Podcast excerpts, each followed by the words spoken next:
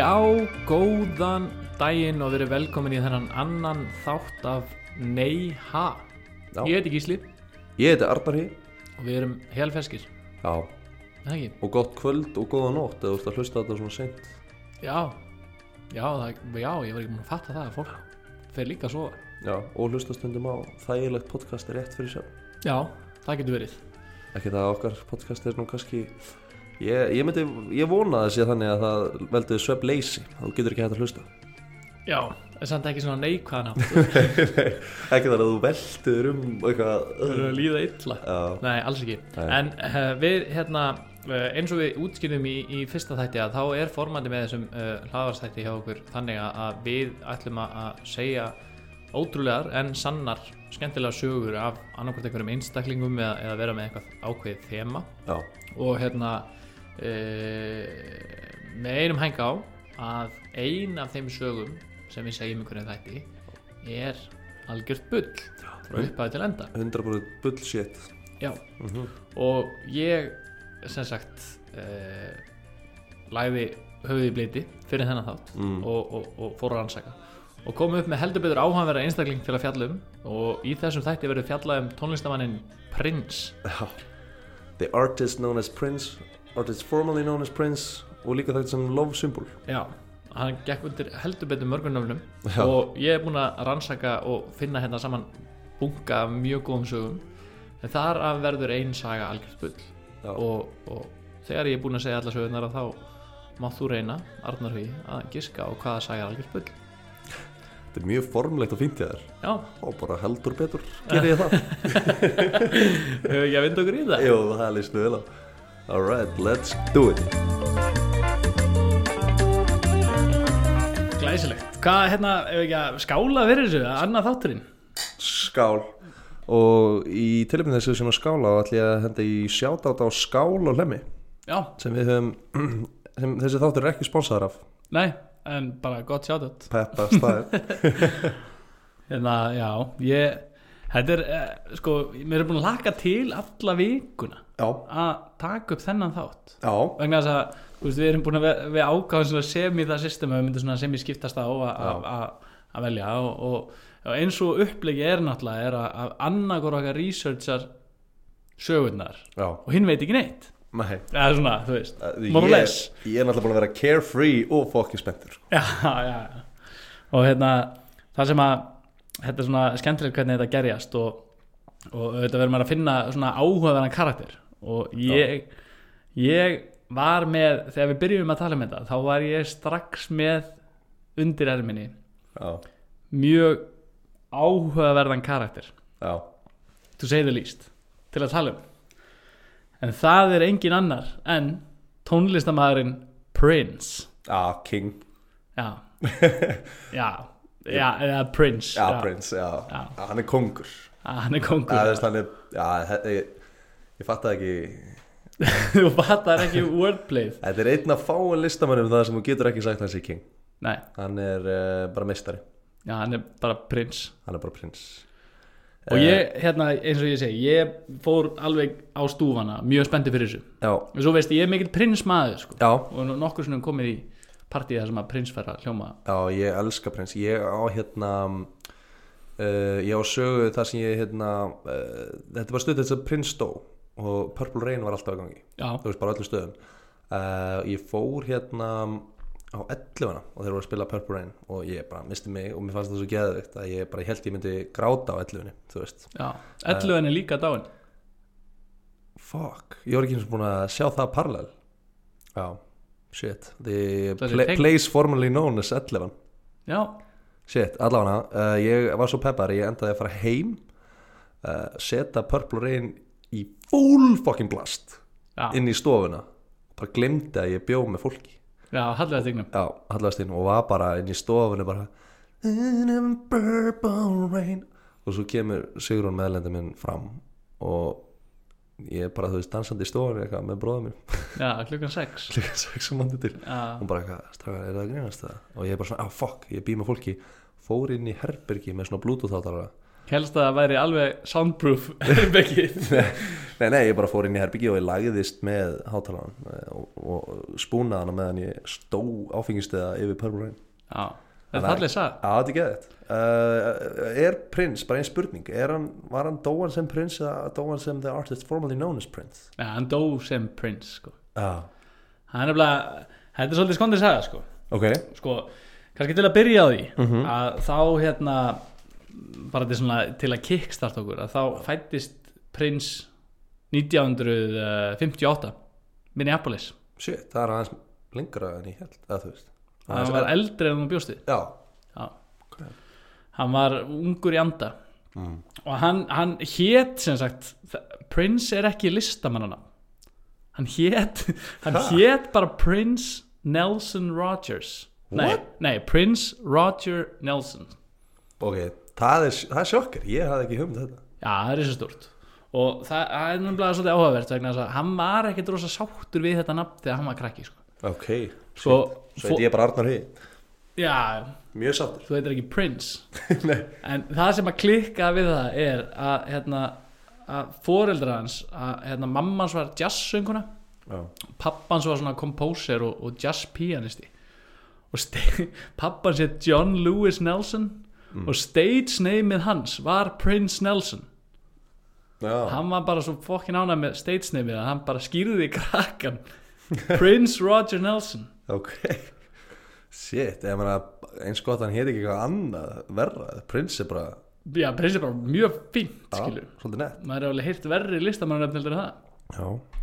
En þú veist, er það þá listamannarna ef að pappans? Ah, What a twist. Inception Shit. Inception listamanna. Allavega og hann hérna var, byrjaði mjög ungur hérna bara að spila hljófari og, og syngja og hérna og, og hérna lendi í hérna svona í, stakki stúf hjá honum og, og föðu sínum. Mm. og hann var henda á göttuna Býtur hann fyrir að spila tónlist? Nei. já bara fyrir að vera prins eða eitthvað ég veit það ekki. hann bara henda göttuna já bara þú veist bara fór að rífa skilur og hann bara þurfti bara að taka pókan Ok. fara. Og hann eitthvað gisti hjá okkur vinnum sínum og eitthvað. Og svo 1974 þú veist, 16 ára gamal mm. þá gefur hann út sko fyrstu plötunum sína. 16 ára. 16 ára gamal sem heitir For You. Og hérna og frekar hérna bara þú veist vel gert vera 16 ára gammal og bara strax á þeim tíma bara mjög impressive skilur hérna uh, bara hljóðfæra leikari. Hann bara var gæðugur gítar og hérna og ég raun og veru gat spila á hvaða hljóðfæri sem er. Og hérna og átti sem sagt hérna milli, milli sem sagt, þú veist, ég raun og verið gefur hann út fyrstu plötunum 74 og svo er svona fræðarsólin hans að rísa svona hægt og rólega frá 74 til 80 það sem að hann er svona, þú veist að stuða svolítið og koma fram í alls konar múteringum og eitthvað. Og gefur út hann nokkar plötur og á svona hægt og rólega einhver svona vinsæl lög skilur, á Billboard listanum og gaf út þrjár plötur á þessum tíma á þessum sex árum og þar á meðal var hérna platan 1999 Já og hún seldist alveg í þremur miljónum intaka og titilæði var svona eiginlega risa breakthrough fyrir hann mm.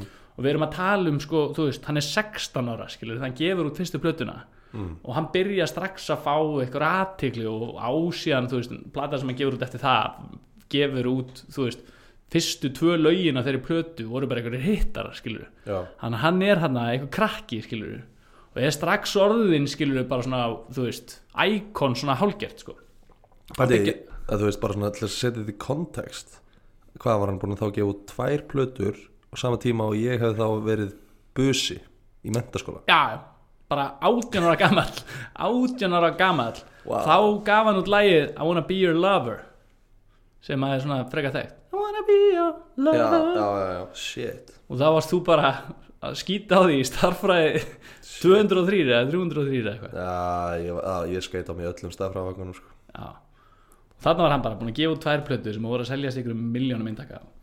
Og, og þú veist og það sem að, það sem að, það sem að þetta gerir sko mm. uh, er að menn ganga kannski ekki alveg heilir til skóar þegar þeir eru komnir á þennan stað skilur þú veist, þeir eru búin að sjá svakalega success eru bara úlingar skilur Mhm. og hann búin að vera með eitthvað daddy issues og eitthvað svona. Já, þannig að, að svona, sem að gerði svolítið svona personas prins í raun og veru svolítið svona já, uh, já, hann var já Þetta er svolítið svona formula for success Svona daddy issues og hent út á götuna sem kræ, eða þú veist eða þú veit, þetta er bara svona eitthvað daddy issues virðist vera major fuel fyrir artista. Já, og hérna og, og það, það var margir um, sko, margir sem talaðu að prins hafi verið ógeðslega svona mysterious vegna þess að það er ótrúlega mikið af sko, það er ótrúlega mikið að sögum til um prins mm, sem að einhvern veginn enda á því að hann kvarf bara. Eða þú veist, eitthvað lið var að tala við hann og hann gerði eitthvað nauta og fólk snýri sig við og svo var hann bara horfin og svo var svona svo Batman. Svo, eh, bara var svona að spjalla við hann bara yeah Prince I, I like to uh, Prince?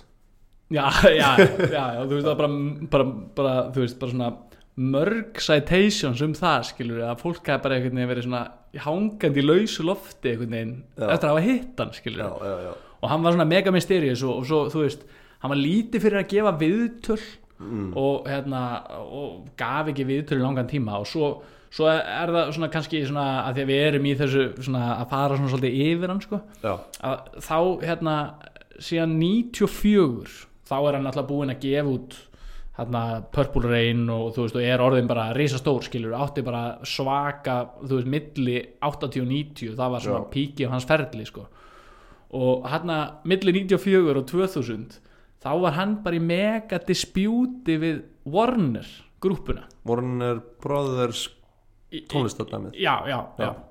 og hérna vegna þess að þeir vildu krefjast þess að honum að hann, þú veist, að því að hann var hann bara, þú veist, frægur þá vildu þeir bara hamra játnum með að vera heitt. Já, og hann var ekki að fíla það sko, þú Nei. veist og hann var bara, það var ekki Prince og hann vildi fá svona sitt artistik leifi og eitthvað svona, þú veist, til að gera það sem hann vildi. Já, þannig að hann byrjaði að koma fram búinn að tússa sleif í andliti á sér. Að því að hann var þræll skilur upptöku fyrirtækisins sem var samt að dæli hann peningum skilur og með eitthvað svona, með eitthvað svona brjála statement. Eitthvað, ok, bara það er geðveikt, þú veist, ógæslega mikið statement að búin að setja eh, þræll á einsku fram með sig. En ég verða við ykkurna í þrjár sekundur þá hugsaði ég eldustækið slave. Ég er bara eitthvað, hvað í teiknaði er- mynda sleif í já, já, ég, alveg þrjár sekundur á meðan að segja þetta. Ég held að en já, ok, shit, það er major statement Já, já, og svo, þú veist, svo var hann alltaf svona að, með svona einhvern svona skæru liða útgáfur, Já. þá var hann að gefa út svona litlar míniplötur og alls konar eitthvað svona skrítin lög og eitthvað svona. Sjokka fólk með tónlist. Já, og bara svona til að stuða vonum, bara í raun og verið til að, að sko, að, að þú veist, eigðilegja samningin, skilur þú veist, hann var að brjóta á samningnum bara aktíft, sko. Já, og hérna, og þegar að það gerist að þá, hérna segir Warner Brothers eitthvað já, þú mátt ekki gefa út hérna svona tónlist undir nafninu Prince. Já, já. af því að við eigum það nafn skilur Warner Já. Brothers á það nafn. Sem er hans eigin nafn sem er hans eigin nafn sem ég held að væri bara Já, og þeir voru, þeir voru þar að hann mætti ekki gefa út tónlist án þeirra undir nafninu Prince. Þannig að hann sá sér bara lítið fyrir og bara gaf út annarkort plötur undir The Love Symbol sem var svona tákn sem að hann bjóð til og er svona þekkt bara við Prince skilur, það er bara svona Prince merkið er það ekki þannig sem hann átti svo setna gítar í lægin hefur merkið? Jú, jú, jú, sem er svona semi svona eins og svona kynja merkið og Já, er eitthvað já. semi eins og P og eitthvað. Veit hvað merkið er, já, og hann kom bara fram undir þessu merki skilur og það var bara á endan var það bara kallað love symbol. Já, og eða the artist formerly known as Prince. Já. Og kom þannig fram bara skilur og var alltaf að pöngast í þeim og eitthvað. Ótrúlega, ótrúlega fyndið dispute sko. en hérna en hann hérna það sem er frekar áhugavert er að, að Prince var hérna hann var votti Jehova ha? já, tók því, tók því, tók því mjög alvarlega skilur Byrju, eftir að segja mér að, að þurfi ekki vottar ég að vera trúbáðar jú, jú. Þannig að þú geti lendið í að þú væri bara að chilla heima þér og bara góðan daginn, ég heiti Prins. Já, já, það gerðist alveg. Mætti ég fá að segja þér nokkur orðum um, um, já, um Jésu Krist? Já, þeir trúa Jésús ekki? Jú, jú, jú, þetta er svona eitthvað svona, eitthvað svona afbrið við höfum nú einhvern tíma að fengi eitthvað svona heimsó Já, ég fekk hérna mormóna í heimsókninni með þér. Að þú veist, þetta var alveg fyndið þú varst hana ekki, Jú, þegar jú. Hilmar já, sagan er þannig að hérna, sett ég einu sinni fengið trúbóða bara inn í herbyggi hjá mér og þá var ég sett að klippa annál fyrir hérna, Vestlandskóli Íslands uh, fyrir Nemo. Og við vorum að hérna, það var rosa mikið að fólki að lappa inn og út um húsið uh, og ég var bara nýri kjallarinn að mömmu eitthvað að klippa. Og mamma var svo leið að fara til dyra hún bara já, hann er niðri, hann er niðri og bara alltaf að dæla fólki niður.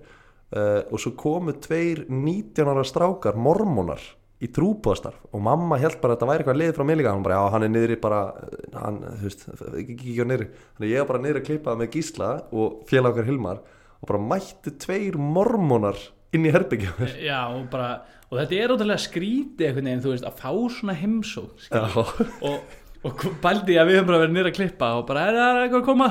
Og bara prins komið inn í já. Þetta, þetta var ógislega fyndið, það er ógislega skrítið að lendi í svona trúbóð og hann, já, hann var sem sagt votti Jehova og, það, og það er hérna og það er með þess að sagnir að konu sem var þannig þegar, þegar að prins lést já, úr hérna fyrir stuttu síðan. Já, að þá hérna þá var svona að vera að sapna alls konar sögum um hann og þá var kona sem að sæði sögur frá því að einu sinni hefði hann farið til dyra þegar það dinglað. Og þar stóð bara prins. Með biblíuna skilur og hérna eða eitthvað votta Jehova rít eða eitthvað ég veit ekki hvernig það virkar. Og, og hann bara segist bara já, bara ég ég votti Jehova og hérna má ekki koma inn og tala við þig og, og hérna og byrjaði svo bara að lesa þú veist bara strax skilur bara búm bara negli bara beint í bæklingin byrjaði bara að lesa á fullu skilur. Já, bara lesa yfir henni og hún eitthvað nei, nei, nei, nei, þú þarft ekkert að hérna, þú þarft ekkert að lesa fyrir okkur hérna, við erum gýðingar og hann bara, hey, just let me finish og þetta var að klára að lesa allt rastli fyrir hann skilur, hún bara svona kolpur skilur að prins væri komin hérna, uh, að lesa fyrir hana. Og hérna sem ég frekar fyndi að, og þetta var alveg þekkt að prins væri skilur votti Jehova og þetta var alveg svona umtalað og, og af, því, af því að hann syndi alveg skilur að fara bara dingla og, og lesa skilur úr hérna riti votta Jehova sko fyrir mér er votti Jehova svona, þú veist stuttar kaki í stöpusur stuttarma hvítskýrta hjálmur skilur og mæti bara til dyra þannig bankar, skilur þannig að ég sé bara fyrir mér prins bara í votta Jehova átfittinu líka sko. já, já, já, já veist, já. Já, ég veit ekki, kannski að fengi fjólublóðan þannig galla, ég, ég mætti hann bara í prins gallan. Já, veist, það væri það væri og já, ég, en hérna en já, eins og ég segi, þá var, þá var þetta frekar hérna, það var þetta frekar svona þekkt sko, að hann, hann, hann væri vott í og, og hérna, og það er einn saga frá hérna túrmanagernum, hans prins. Já, svona 94 eru þeir á, á hérna cirka uh, hérna þeir eru cirka uh, já, eitthvað í kringu 94 92 til 94 þá eru þeir á túr stærri bandaríkan og prins var svona þekktu fyrir það sko, hann svaf aldrei á nóttinni og eitthvað, ringdi alltaf klukkan þrjú á nóttinni og það er eitthvað bara svona heyrðu það bara, við erum að æfa eða eitthvað svona, þú veist, það kom eitthvað svona ruggbeðinir klukkan þrjú á nóttinni og hérna, og hérna það var einmitt í, í svona háskólaræðu sko, að vera að tala um var, hérna, hérna Kevin ég held að heiti Kevin Hart eða hann uppistandarinn eða eitthvað. Já, svarti litli. Já, já, já. Það er að tala um það að, að prins, hann, svona, hann lifði í öðrum raunveruleika heldur en annað fólk skilur já, hringdi kljóðan þrjú á nóttina skilur og bara bara, I need a giraffe. Og það bara þú veist, og fólki er að vinna með hann bara prins, bara klokkan er þrjú á nótt og við erum hérna bara í Minnesota. Og það er janúar. Við getum ekki redda gírafa. Og hann skildi bara ekki af hverju skilur. hann var bara, ha, þú veist geti ekki græði þetta bara, skilur og það var bara svona, þú veist hann var ekki, hann það, hann að vera heimskur hann bara, hann lifði bara einhvern veginn í annari heimsmynd, skilur hann bara einhvern veginn svona, hann var ekkert vesinn og hérna, og túrmann sér segir að einu svona túr, hann ringi prins í sig klukkan þrjú í nóttina. Og, og, og hann var frekar vanið í að fá þessi símtöl eins og ég var að segja og hérna, og hérna hann svaraði síman og þeir eru bara á einhverju hóteli skilur, þeir eru bara on the road einhvers staðar og túrmanager hann svaraði síman og prins er bara there's a motherfucking voice coming from the motherfucking walls. Og, og túrmanager er bara ha? Bara I'm telling you man. There's a motherfucking voice coming from the motherfucking walls. Og bara hann bara, ha, já, hann bara drullaðir skilur að koma að kíkja á þetta skilur að bara rödd að koma vegna. Og manager bara, ha, bara hleypur yfir til prins. Og prins bara, þú veist, hann bara bankar hurna og prins kemur til dyra og þú veist, bara þrjú nátt í hvítum svona sati náttfötum með svona hvíta sati nátthúfu og í háum hælum sem voru svona glættir svona hvítu satín og bara full make-up og perm og allt skilur bara, hann var bara klár í tónleika þannig bara nánast sko.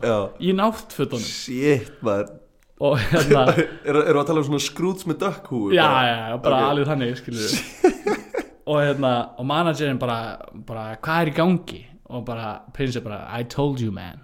There's a motherfucking voice coming from the motherfucking walls.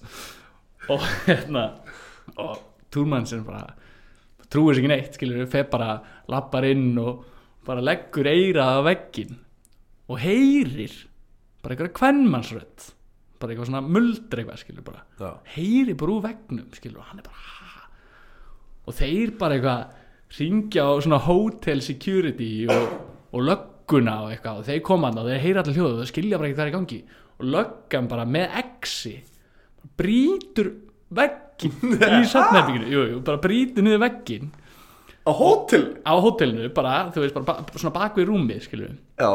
En málið er að í bandaríkjanum skilur þá er oft svona, þú veist, og í svona mörgum húsum í bandaríkjanum þá er svona double layered veggur skilur, svona Já. fyrir einangurinn þannig að það er svona smá bil á milli. Og þeir brjóta hann niður og stinga haustum inn. Og þar er, þar er bara kona með vasaljós og biblíuna að lesa upp úr biblíunni til að reyna að snúa prins um, um trúabræð og þeir eru bara, bara, á, bara taka gæluna skilur og hún bara trompa skilur byrja bara, Á milli veggjana? Já bara hún er bara inn í þessu millibili skilur bara á bak við rúmið hjá prins. What the f með biblíuna og vasaljós og er bara að lesa skilur að því að hún vissi að hann væri vott í Jehova og hún var bara eitthvað greinlega ekki sátt við það eitthvað, vildi bara neyri Lúthers trúar eitthvað. Og hún er bara hann eitthvað að öskur upp biblíunni hann og þeir bara, bara draga hann út af vegnum og hún trompast bara, byrja bara að öskra og þú veist, og er alveg bara brjáluð. Og er bara draga hann út og meðan þá satt Prince svona, við, við svona borð og var bara I told you motherfuckers there was a motherfucking voice coming from the motherfucking walls. Ég fíla hvað prins í þessari sögu hljómar þess að sé Samuel L. Jackson í Snakes on a Plane skilur já, já, The motherfucking voice. In Já. the motherfucking walls I've had it with this motherfucking voice on this motherfucking wall. Og hérna og þú veist, já, ótrúlega sagt Þetta er fucking shit Hversi En sko, besta þessu sögu er að prins er bara chillaður situr bara á kantinum og bara I told you guys. Já, eða var I ég, told you, ég myndi fucking flip út. Kona sem einhvern veginn komst inn í veggina og verið að lesa úr biblíunni. That's, that's some creepy shit. Já, hann var ekki líka, þú veist hann var ekkit eitthvað hrættur, skilur, hann var bara þreytur á þessu, skilur Já. hann bara, hann er bara græðið þetta, skilur, ég Já. nenni ekki að standa í þessu shit og hérna uh, þetta er, þetta er bara vá, en líka bara sko, við erum að tala um ekkert, þú veist, það er ekkert mikið pláss Nei, nei, nei, nei, hún er bara, hún er bara svona pinned in, skilur. En þú veist, þetta er samt alveg þannig að þú getur lappað hann á bakvið og oft var það þannig að lagnakerfi var oft í svona millirýmum svona maintenance section eitthvað. Já, já, já, og, og sérstaklega í svona gömlum húsum og svoleiði, sko. Þá var þetta svona double layered af því að þú veist, það var brick layer á utan og svona, og gifsa innan eða eitthvað. En hún hafði bara eitthvað neginn, ég, þú veist, ég veit ekki skilur, farið inn í eitthvað svona maintenance og bara svona eitthvað já, tróði sér þarna.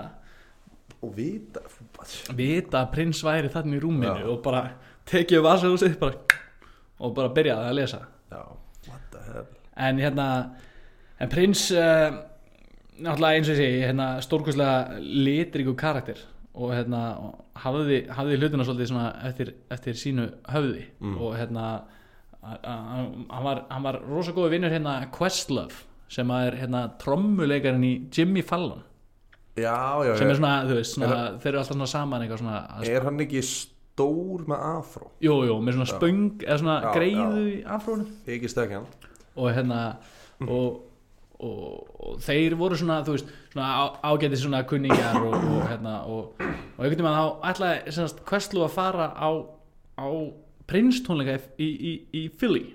Mm. og hérna og hann bara svaka sáttur skilur hérna, var búin að vera eitthvað nokkur sem að DJ Philly og eitthvað og Prince var að halda þann tónleika og hann var svo spenntur eitthvað að félagi sem var að hana Prince að halda tónleika. Hann býður tíu vinnum sínum, komur á New York. Mm. og hérna og þeir bara mæta allir eitthvað hérna og, og svo eru þeir bara að fara tónleikana og þeir bara svona standa fyrir utan að fara að leipa öllum inn. Þá bara tekur hann upp miðana. Og þá er hann bara með tíu miða en þau voru 11 skilur, hann glemdi að tellja sjálfum sig. Já, og hann hérna hann verður bara algjör korpur skilur og hann bara, heyrðu, ég reddi þessu eitthvað þegar þau allir eitthvað svona að fara bara, nei, nei, ég get alveg sleppt því, hann bara, nei, nei, nei, reddi þessu eitthvað. Og hann ringir semast í hérna, assistantinn hans prins og, og hérna, hann er eitthvað að reyna að hérna, hún svarar og hann bara, heyrðu, þetta er hérna Questló og ég, hérna ég bara getur hitt mig hérna bakvið og hann eitthvað svona, eitthvað að kolpast af því að hann sagði svona, þú veist, ég er svona on the verge að fólk svona viti nákvæmlega hver ég er eða fólk hafi ekki hugmyndum hver ég er, skilur, hann er svona, ég er svona þannig frægur, það er svona sumir vita, sumir ekki eitthvað. Og hann svona fer að tala við hana og hérna, og næri einhvern veginn að samfara hana og hann eitthvað, e, e, getur náði prins? Og hún bara, nei, það er ekki hægt að tala við hann. Að því þá var hann á golfbíl að keira út um alltaf golfbíl bara í botni bara, bara eitthvað baksvís í eitthvað svona risa að rýna og það var ekkert að ná í prins og leta ekki ná, ná í sig og, og hún er ekki, þú mátt koma hérna, þú verður bara að setja fyrir neðan sviðið, skilur þú verður fyrir innan girðinguna. Já, hún bara já, og skulda prins greiða og greiða þetta, hann bara já, já, ekki málu og hérna, og svo bara fara tónleikandir í gang og hann var sem sagt á einhverju blind date með einhverju gellu. Og hann ætlaði sem sagt að bjóða þessari gellu sem sagt á prinstónleikana en hún var alltaf með einhverjum tíu vinum hans hann í, í hópnum fólki. Já. og hann hann fyrir framann skilur í grifjunni fyrir framansviði og svona hálfkjánalegur eitthvað. Já. Svo bara hérna svo fæðir hann bara SMS bara miðum tónleikum. Bara hérna prins vill á haldir eftirparti tónleikana. Það er já, og, og hann bara, ha, þú veist hann á ekkert heima í fylli, skilur hann bara eitthvað, já, bara hafi verið að DJ hann nokkur sinnum og hérna, hann eitthvað ringir í eitthvað vini sína og eitthvað, já, getur retta þessu. Svo bara kemur annað SMS, bara tímyndu setna og, vill- og hérna prins vill fara í púl, það verður að vera púlborð í partíinu. Og hann bara djöfull eitthvað, hann er eitthvað að ringja og það er engin stað með púlborð og svo gæti hann fengið eitt stað lánan og þá þurfti að eitthvað að ringja eitthvað annað að leiða púlborð. Og hann missir einhvern veginn að helmingnum á tónleikunum þess að hann var bara eitthvað að reyna að redda púlborði. Reddar stað já, sem er einhvern veginn upp á fjórðu hæð. Og svo þurfti hann að redda einhvern gæjum til að bera púlborð. Hefur lift púlborði sko. Það er svona 300 kíló sko. ég hef sko ég hef nefnilega sett upp fyrir partí sem var hérna það er önnur sagði en það var lengst, lengst út á landi.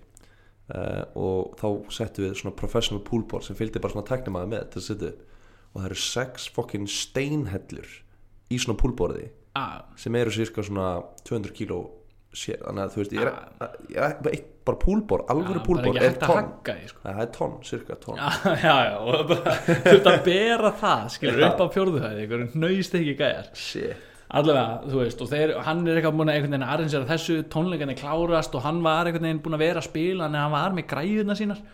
Og hann fer í partíið og, hérna, og hann bara setur, þú veist, skífunar á og hann byrja bara að þeita skífum partíinu og það er bara góð stemming og hérna hann er að spila eitthvað svona, þú veist svona progressive, svona jazz artista sem var svona R&B hann er að DJ sitt eigið eftirparti. Já, já, Questlove. Já, Questlove, já. hann, er, hann, er að, hann er að DJ og hann bara, þú veist, fókinn spenntur að DJ fyrir prins, skilur þú veist og, svona, þú veist, og halda gýrnum í gangi og eitthvað. Og, og hérna uh, og prins eitthvað svona er hann í partíinu og hann er bara eitthvað, að- hann er svona, já, já, hann fílar þetta på þetta með eitthvað svona progressive R&B svona jazz, svona eitthvað í gangi og, og svo bara kemur aðstofan hans prins og lappar hérna upp á honum og bara, erðu, hérna getur skipt um lag? Og hann bara, já, ekkert mál. Algjör kolpur setur eitthvað annar lag, hann bara, já, ég ætla að setja aðeins með hérna meira bít og samt svona í svona svipuðum gýr eitthvað og, og allt í gangi og, og hérna og svo hérna svona fimm mínútið setna og lappar aðstofamannars prins með svona blank svona DFD hulstur og réttir honum. Og hann bara, hann bara play this. Og hann bara, já, ok, tekur diskinn opnar hulstrið. Þá var þetta Finding Nemo á DFD og hann bara sko Hæ? og Questlove bara, já ok, hann vil greiðlega hafa eitthvað svona væp í partíinu. Hann, svona kveikir á skjávarpa setur setur Finding Nemo í DFD spilaðan, skilur og lokar. Og svo bara heldur hann ára að spila. Svo bara kemur aðstafmann eftir fimm minútur can you turn off the music? Þá vildi prins bara horfa á Finding Nemo í eftirpartíinu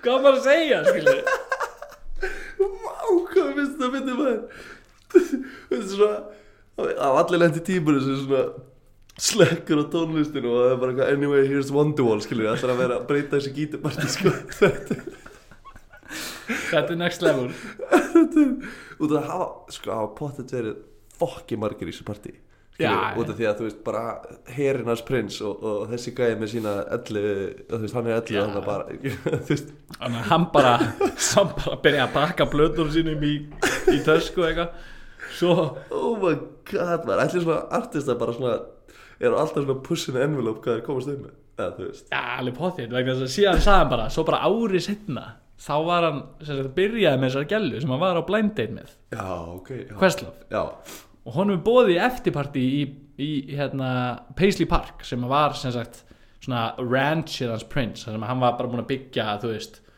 stúdíó og, og þú veist, það var bara eitthvað rugglað hús og körubóltavöllur og eitthvað alls konar. Eh, er það ekki hann að bara húsið sem hann var svo eiginlega í Jú, jú, bara alltaf Já, veist. einmitt, ok, veit hvað er og hérna og hann mætir í eftirpartíð þar er prins bara að láta spila þennan progressive jazz R&B artista sem að hann var að reyna að spila í eftirpartíðinu sem að hann held bara prins bara þótt bara ömulu Já, já, já, já.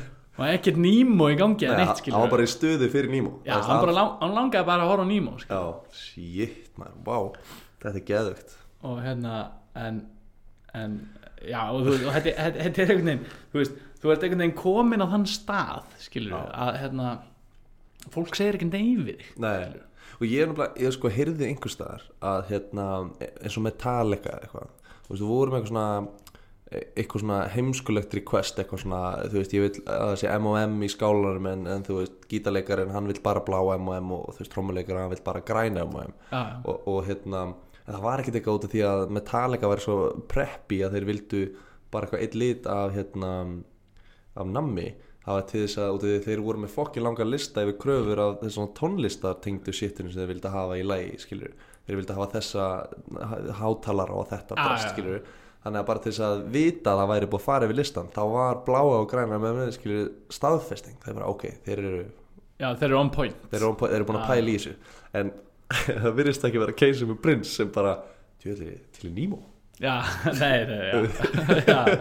og hérna og hérna eh, það var, var hérna, ein, ein, ein gæla sem, sem að var eh, hérna, í þætti sem að hétt Star Search ok, sem var eitthvað svona semi eitthvað svona Dancing with the Stars eitthvað svona og eitthvað svona, þú veist, þú ert eitthvað svona semi-random og hittir eitthvað frægan og eitthvað svona þannig, eitthvað svona bull. Hvernig er við að tala um þú veist, Þetta er 1986 ok, ok, þannig að þetta er kannski svona þú veist, eitthvað svona American Idol way back in the days. Já, já, já, já, þetta er svolítið þannig. Þú veist, það er verið að leita af einhverju svona einhverjum, næstu stjörnunni. Næstu stjórnunni, eitthvað svona kjæftæði og, og það er einhver gæla í því sem að heitir hérna Glare og hérna og henni er bóðið sem sagt, bara prins eitthvað sér hana skilur og prins bara hefur samband skilur bara, þeir eru bóðið mat hattaru. og hún mætir í matinn og, og svo faraðu á, á hérna, á klöp nýri já, og hann svona kvíslar er á henni hvort hann hvort hann vilja dansa þessi já, eftir það og, og hérna og, og bara þegar kemur gott lag og eitthvað. Svo kemur gott lag og þau fara út að dansa og prins náttúrulega með heldur góð spór mm. og hún svona eldir hann alveg og, og hérna og rosa spennt og eitthvað og hann svona ánæði með hana. Og svo mánuðið setna þá hittast þau aftur á öðrum klúbi sem heitir Vertigo sem að prins var svolítið svona frægur fyrir að hanga á. Og hann hérna sér hana og þau eru bara, hann er búin að þekkjast og tala saman hann í eitthvað smá tíma sko. Og prins lappar að henni og pikkar í öxlina á henni og hann bara kvíslar í eira á henni bara hi, would you like to be in my band? Og hún bara einhvern veginn svona bara ráðunar og bara svona beigir sér niður og er ekki svona spennt. Svo bara er hann að snúa sig við á svaranum hann var bara horfinn bara hendi Batmanin bara já, hann bara, bara upp, skilur svo bara, svo bara, við svona ekkert svo bara reyndur hann að ringi hann og hann bara svara ekkert tímanum bara eitthvað. Svo bara viku setna þá kom hann og spurði aftur og hún bara, já, bara ekki hverfa. Þá erum ég svaraðar og, og hérna og hann var bara svona, þú veist hann var svona, þú veist, hann var að vinna rosalega mikið með þetta mystery Já. item, sko, þú veist. Alltaf að láta sig hverfa bara, skilur En hvernig, þú veist, hvernig fer maður líka bara að því þú veist, hendi, þú veist, reikspenginu bara hverfa, þú veist. Já, þú veist, var hann, var þetta alltaf elaborate plan hérna, þú Já. veist, var hann að búast þegar hann myndi blöskra, sá hann tækifærið? Já, ég, þú veist, allan hafi ekki bara verið einhvern veginn bara, hann var bara svona slick og þú veist, hann var bara svona einhvern veginn hann var alltaf að búa til einhverja mystery í kringu sig og hérna. Shit.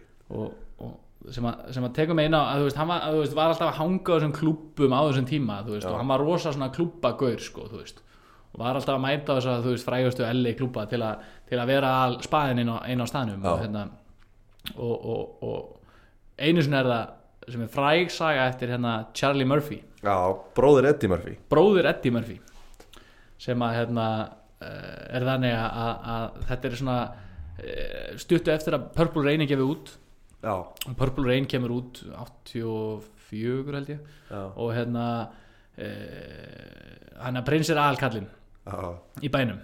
Og hérna og Charlie Murphy og Eddie Murphy eru hérna með einhverjum félögum sínum á einhverjum klúb að dansa. Já og Eddie Murphy aðal kallinn á þessum tíma já, líka. já, Eddie Murphy aðalkallinn í grínheiminum. Í grínheiminum, Já. sagakall.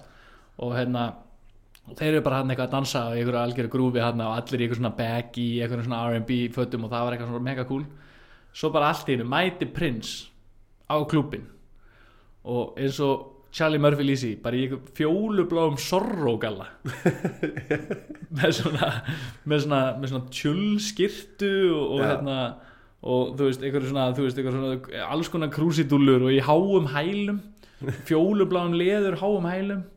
Og hérna lappar beint upp að Eddie Murphy og bara I'm a great fan of yours Eddie do you wanna come to my house listen to some tunes og hérna Eddie Murphy bara já, bara hljóma vel og prins, þú veist, var alveg að vinna með þetta skilur, hann bara mætti á eitthvað stað sáu eitthvað sem hann fann skemmtilegur og bauð svo bara í eftirpartí. Já, og hérna, og þeir bara eitthvað, já, bara voru hann allir eitthvað saman hérna, prin, uh, hérna Eddie Murphy og Charlie Murphy og einhverju, vini, einhverju tveið, þrjú vinni þeirra og eitthvað.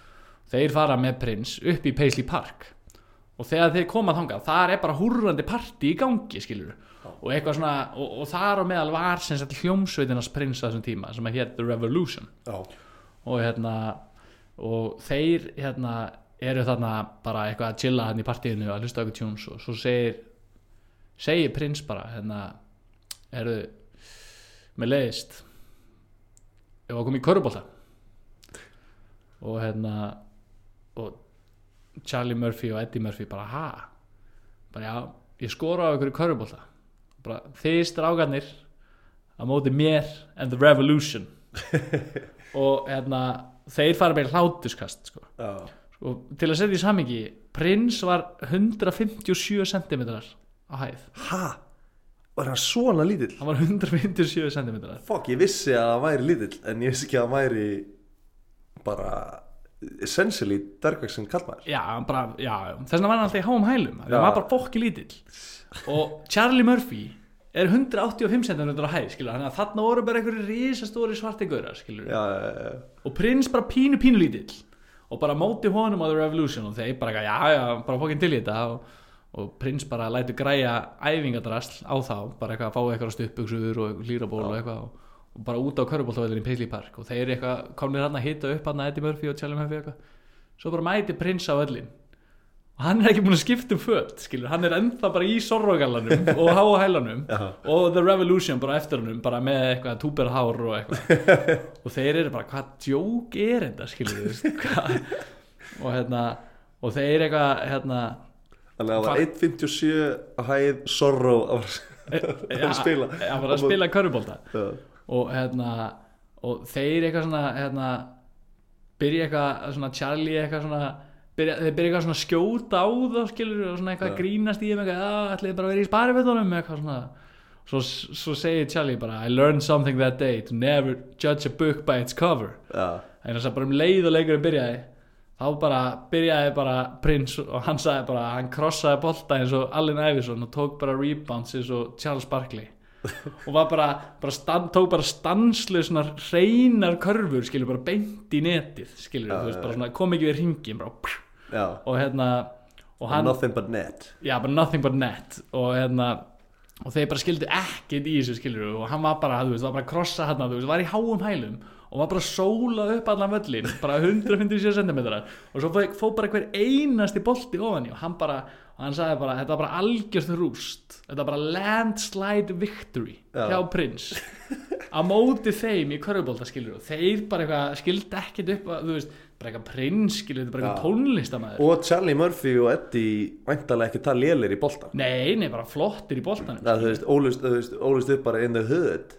Það þeir hafa örgulega bara verið já, já, bara, shooting some og back þeir, in the days. já, þeir voru bara að brjála prins var bara rústæn í körubólta og með í liði og allir bara einhvern veginn í sömu fötu voru á klúbnu og þeir komnir í æfingalan þeir áttu bara ekki róð í hann sko. og svo bara eftir leikin þá sagði prins bara hey, breakfast time. Og bauð bara upp á ameríska pönnugur og hérna og þessi þessi hérna eða þú veist, og hann var, hann var alveg frægur fyrir það að, að láta einhvern veginn kokkin sinn græja eitthvað svona risa morgum er að hlaðborð. Ok, og, eftir eftirpartíð já, já, bara í eftirpartíu og Já. prins elskaði sko morgumæð en elskaði líka ógeðslega svona strange combinations skilur mm. hann vildi alltaf eitthvað svona, þú veist, spagetti með tómasósu og djúsglas eitthvað svona, þú veist, eitthvað svona, eitthvað svona grillu combinations þannig að fólk var alltaf í eftirpartíu svona, vissi ekki hvað þetta finnast um skilur hérna matinn en, hérna, en þessi skets er einmitt uh, frækt að hann er leikin eftir í séðan sketsaþættinum hjá Já, Dave Chappelle. Dave Chappelle Show. Í, já, The Chappelle Show. Já, og er ógeðslega fyndið. Já, þetta er ógeðslega fyndið. Og hérna og mælum klálega með því að fólk Já. kíkja á þennan skets Þessi skets er á YouTube. En það fyndna er, sem ég veit ekki hvort að þú veitir er að 2014 og, sko, og, og Prins gaf það út eftir þessi skets kom út að Prins sagði að þetta væri fyndnasti skets sem að hann hafi séð. Já, honum fannst hann ógeðslega fyndin þessi Dave Chappelle leikur prins sem- já, Dave Já. Chappelle leikur Prins Já, það veit og Prins fannst þessi skets svo ógeðslega fyndin árið 2014 þá sneri Prins vörð í sók Já, og gaf út plötuna Breakfast eða singulin Breakfast Can Wait með stórri mynd af Dave Chappelle í prinsgalunum haldandi á pönnugugudisk já, sem hann er að gera í, í, í í sketsinum sketsinum Já, shit, ég hef reyndar séð þetta. Og Dave Chappelle hérna sagði að hann var svona svolítið stressaður að gera grín af prins út af því að prins var svo eccentric guy eða eitthvað. Já, já, já, og fannst þetta að vera mest, hann hafði aldrei verið KO-ar jafn mikið tilbaka. Já, já hann gæti ekki farið í mál við prins hann sagði bara hvað ég að fara í mál við prins fyrir að noti mynda mér að leika prins í, það er bara ekki hægt. Á, geðvikt og hérna hann er, já. Að, þú veist, og, og þú veist, og hann var alltaf einhvern veginn að koma fólki svo mikið á óvart með einhver svona ótrúlegum svona einhverjum svona traits. Já, hann sem hann geggja góður í. Og hérna e, það var einmitt hérna mjög, mjög hérna mjög stórt að hérna að sko Prince og Michael Jackson já, voru erki óvinir já sem svona lúmst mega sens að þú veist, ef maður pælir í þeim þeir, þeir voru bara sko Thriller og Purple Rain eru hann í kringum 1980 sem já, bara bæði risastór lög skilur What a time to be alive sko. já, já, og, og Prince var the Purple Majesty og, og Michael Jackson var the King of Pop. Og þeir voru bara svona, þú veist, nánast í guðatölu hjá fólki. Og, og þeir viðurkendu aldrei publicly, skilur að þeir væru rivals Já. fattari. En hérna en, en þú veist, Prince var bara með ógeðslega mikið svona keppniskap þú veist, alltaf hana, með daddy issues og búin að fara á göttuna og búin að rífa sig upp og, Michael Jackson líka með Daddy Issues. Já, The winning formula. Já, já, the winning formula. Og hérna og, og það það er svona e, e, eitt svona hérna, þegar að Michael Jackson samdi smellin bad. Já, Þú- huge. Huge smellur þá var hann að semja lagið og hann sendir lagið á Prince. Áður það kom út. Á það að koma út, já. Já, og hann spyr hann hvort hann væri til í að syngja með sér. Sem sagt, ringir ég hann bara hey Prince, it's Michael skilur þú það er eitthvað áæljónum og hérna og, og, og hérna og Prince bara fannst það bara alls ekki komandi greina. Hann, bara, hann sagði bara ekki séns. Og hann bara og, og það voru tvær ástæður fyrir því. Og bara í fyrsta lagi, hann þoldi ekki Michael Jackson sko. Mm. og svo í öðru lagi þá sagði hann aldrei mun að syngja textan og hann bara, hann sagði bara hann bara, lagið, eða sko textin í laginu byrja bara, your bird is mine gotta tell you right. Og prins bara hver er að fara að syngja þetta til hvers? Þess að þú ert ekki að fara að syngja það um mig and I hell ain't singing that about you og hérna og hérna og það bara, þú veist, og bara there we have a big problem, sko, þú veist, það er bara ætla ekki sjens skilur að gera Já. og, og, og hérna, og hún var líka fáránlegt fannst fáránlegt að Michael Jackson vildi kalla lagið I'm bad og sagði, quote there's nothing badass about him og hérna og til að topa, þegar hann fekk lagið sendt þá bara, var hann bara eitthvað, tók um nýja útgáfa laginu, ringdi MJ og sagði bara er ég ætla ekki að syngja með þér það kemur ekki til greina? Og by the way, hérna ætti eða þú veist, lagið þetta ætti að hljóma svona, ég er múin að betrum bæta það og senda honum, skilur sína útgáfu af bad, Já. Skilur hann þetta var alltaf bara svona, þú veist, svona stál í stál skilur, Og er þessi útgáfa til ekstra?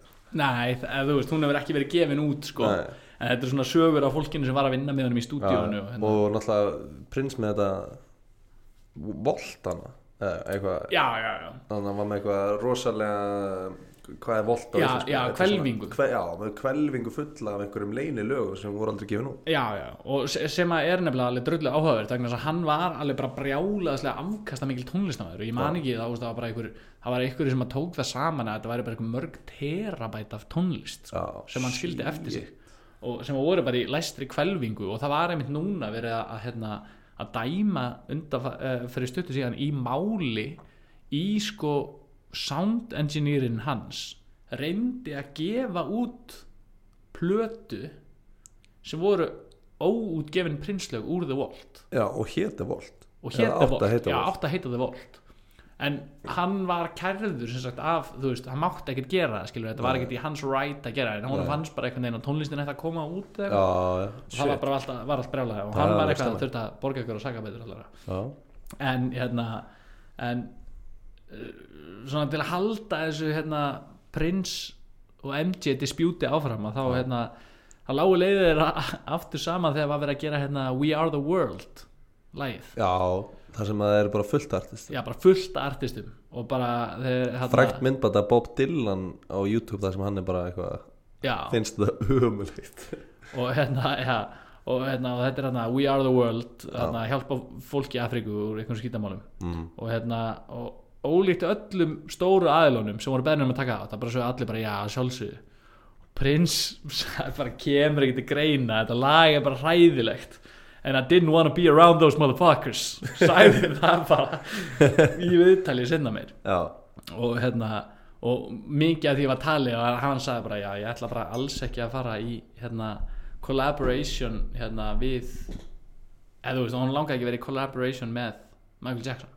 Skilur og hérna þrátt fyrir hérna að, hérna, fræðin er að veist, þeir áttu auðvitað 80s tímabil og, og, hérna, og svona fram í 2000 þar sem þeir voru bara reysa stóri sko. mm. og svo svona einhvern veginn dvína þeir svolítið eftir það, þú veist, svona einhvern veginn eðlilegt progress af, því, af þessari súpustjórnum, einhver svona popstjórnum sko. og hérna og, og aðteglin svona kommersiali minkar alveg á það og hérna en, en, en rævalrið minkaði ekki sko. Mm. og, og en, en það hljómar svona pínu eins að prins hafa verið klika mikill ræval en MJ alltaf svona ertu með í svo var- með í We Are The World? Kannski var hann bara að gera alltaf svo fokkin pyrra prins. Já, já, svo, svo, svo voru svona alveg einhver svona, þú veist, svo, svo finna það eða prinsa með eitthvað svona fór MG alltaf að væla, bara he, he's a big meanie og eitthvað svona, hann er svo vondu við mig og eitthvað. a big meanie. Og hérna, en í læginu hérna Live O Party sem að prins gaf út árið 2004 þá söng prins My voice is getting higher and I ain't never got a nose done. That's the other guy. Og svo árið 2006 þá var prins að vinna með Will I Am í, í Las Vegas. Já, Will.i.am frá Sem var í Black Eyed Peas. og hérna hann er alltaf pródúsir. Og, og Will.i.am bauð sem sagt Michael Jackson að kíkja á þessa tónleika og þetta var svona frekar svona low key tónleikar eitthvað í Las Vegas og svona eitthvað svona sitjandi krát og eitthvað og okkar maður, Prince. Já, stóðust ekki í mátið. Tók bassan byrjaði bara að taka eitthvað brjála bassasólu. Lappar út í salin var með svona þráðlausan bassa lappar út í salin þar sem Michael Jackson situr skilur bara með, að, þetta er á svona þeim tíma sem hann var alveg komið með skilur grímuna já, já, hérna, já, og hérna var búin að fokka bara sér. rústa sér skilur og hann lappar út í salin þar sem að MG situr við eitthvað borð og byrjar setja upp svona bassan eiginlega alveg upp við hann og ekki að spila ekki að svona aggressíft bassa svona slap bass bara í andlitið af Michael Jackson. Og hann svona situr hann algjör kvolpur og hann bara skilur stendur bara alveg upp við hann skilur þá svona geta ógnunum skilur og svo eftir þetta aðtök þá sagði hann bara I've had it with this big meanie he's always so mean to me. Og bara og væla eftir þetta skilur ég, ég, er að reyna að sjá þetta fyrir mér hvað er að? Þú veist hversu Já skilur, þetta var bara alveg andlið þetta, var svona, óþarfi. þetta var var að pöngast í honum og hérna og, það er nefnilega frækt kvót frá prins sem er, sem er hérna really, I'm normal. A little highly strung maybe but normal. But so much has been written about me and people never know what's right or what is wrong. I'd rather let them stay confused. Já, hann var alltaf fyrir það að halda mystikni. Já, já, hann hann var, hann hann var rosa mikið þar inni og hérna en eins og ég segi, þú veist, hann var alveg hann var alveg þar að, að þú veist hann, margt sem hann gerði var alveg var að gjössalega klikka, skilur þú veist, og, hann svona had it his way.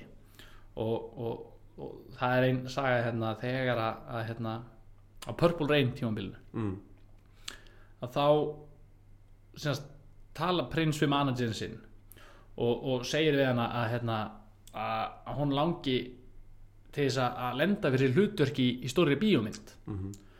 og og þetta er hérna að snemma á 18. áratugnum og hérna og á þeim tíma, hérna bara í byrju 1980 að þá átti prins bara eitthvað svona nokkra hittara þú veist, jú, jú, hann var alveg stór en hann var engin, þú veist, þarna var hann ekki orðin king of the world, skilur Nei, Og- hvað það er, 84 nei, nei, þetta er, þetta er 1980 já, já, og hérna og þarna er hann bara, þú veist, gefur hann 1999 sem er hann í raun og veru frekar stór plata en hann Já. er ekki, þú veist þarna er hann ekki orðin einhver Michael Jackson skilur nei. Og, og hérna hann er bara eitthvað átti nokkur mimbönd og, og gaman að segja frá því að, að hann átti annað mimbandið sem sagt sem að, að, að var sem sagt hérna e, eftir svartan mann sem var spilað á MTV þannig að leikstjórin nei, nei, Prince já, já, já, þannig að þú, veist, bara, þú meinar að bara að kom svartur maður í MTV Já, á já. skjáin Já, nei, og bara, og bara minn- minnbandi hans, skilur, hann sem tónlistamæður, skilur. Já, já, er ekki var- fyrsta Michael Jackson. Já, Billie Jean og Little Red Corvette voru á sama tíma. Já, og það eru svona fyrstu myndböndi sem að, þú veist, eitthvað, að því að MTV hefur alltaf haft þetta orðspor á sér að vera eitthvað racist channel og eitthvað svona já, já, já, alltaf upp að þessu tímundi já, já, já, hann var alltaf bara mikil rasismi bara í tónlistarbransan almennt Já, þeir bara voru brautriðindur Michael Jackson og Prince. Og Prince, já, í raun og veru.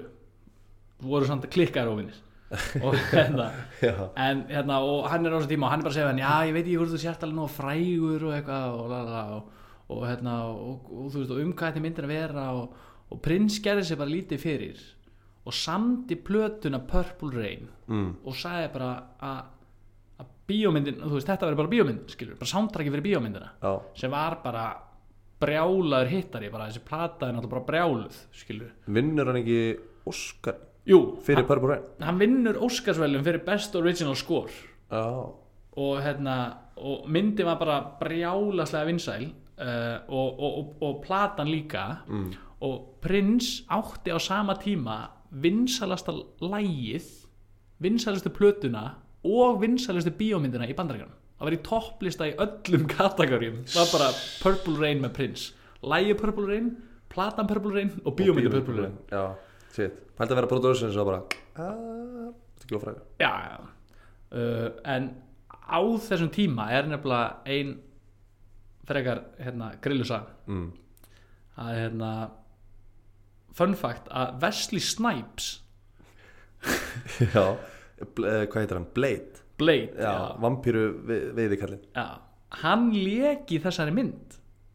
Já, ok. Og þarna er Wesley Snipes að taka bara sín fyrstu skref í Hollywood. Já, og hann var hann að leika svona eitthvað svona vondakallin eitthvað svona þú veist eitthvað í myndinni og, og myndin er eiginlega svona semi svona autobiografal eitthvað svona að prins eitthvað svona er í, með daddy issues og henda á göttuna og verður eitthvað þú veist töffari og eitthvað já, og er hann og svo er eitthvað krú hann og, hérna, og Wesley Snipes hann leikur sem sagt í einn af vonduköllunum eða svona þú veist Já. gangsterunum eða eitthvað þannig skilur og hérna og hann er að taka sín fyrstu skref í Hollywood til að vera leikari og landar hérna þessari mynd skilur að vera að leika í þessari og þú veist og þetta er að þeim tíma sem að hérna að Moonwalker, þú veist, bíómyndir með Michael Jackson það voru að koma eitthvað svona tónlista bíómyndir og hann Já. náttúrulega bara sér þarna að hann er tækifæri fyrir hann skilur, hann gæti verið, orð- þú veist, mögulega að komið sér eitthvað áfram að ferlinu hann mhm, hann var hann bara eitthvað kolpur í Hollywood sko. og hérna og prins er náttúrulega orðin alveg sérvituð þarna skilur. þannig er hann alveg farin að ringja þrjú á nóttinni og byggðum að redda gíra og eitthvað sko. og hérna e, búin að semja þessa plötu og eitthvað og hérna eitt kvöldið þá kallar prins eftir Wesley Snipes. Hann er að koma í trailerinu sin hjólísi sitt mhm. það sem við varum að taka upp. Búin að tökum allan daginn og, hérna, og hann bara, bara þú veist, sagði bara we need to go over a few crucial things for this movie. Og Wesley Snipes bara já. Og hann mætir bara í trailerin og trailerin er bara allir svona, svona loðin fjólublára innan. Og hérna og prins bara, þú veist, í þú veist, sorrógalanum eða eitthvað, skilur upp bara allir fjólublára og eitthvað. Og byrja bara, þú veist, bara Wesley Snipes labba bara inn og hann bara byrja strax bara you motherfucker, bara, og var að segja bara hann hefði ekki neina virðingu fyrir hérna tónlistinni í myndinni. Mm. skilur hann bara, hann fannst hann ekki bara, bara you don't respect the music og eitthvað, því að þú veist, hann var eitthvað svona með eitthvað svona gauraganga á setti og eitthvað sko. Já, og hérna og, og sæði bara hérna quote, you motherfucker need to learn to have a respect for my album. Og hérna og Wesley bara bara algjör korpur skilur þú veist og hérna e, hann var bara, þú veist þú veist, prins held að hann væri ekki meira en áhuga á myndinni og Wesley Snipes var bara algjör kolpur bara nei, þú veist, ha, skilur var bara einhvern veginn að reyna ná sínu breyki fattar í Mm. leilista hérna bransanum. Já, og hérna hann tekur eftir að gítarinn hans prins er á rúminu. Og hérna og, og prins segir við hann you are here to see my respect for my music and I'm gonna help you gain some respect. Og þá byrjar prins að útskýra fyrir að hann er að breyða sængina yfir gítarinn og segja góða nótt við hann. Og Wesley Snipes bara stendur hann inn í hjólisina hann bara, ha þú veist, hvað meinar og hann segir bara, hann bara já, þú- verður bara, þú verður bara að kissa hann góða nótt. Og hann bara, I'm telling you motherfucker if you don't kiss it good night I'll find another fucking mother, I find another motherfucker to play the role in the film. Og hann bara algjör kolpur skilur bara hættur um feril sinn. Og hann bara breyðir yfir gítarinn og kissir hann góða nótt. Og hann segir hérna Steal the weirdest shit I've ever done and I've done some weird shit over my lifetime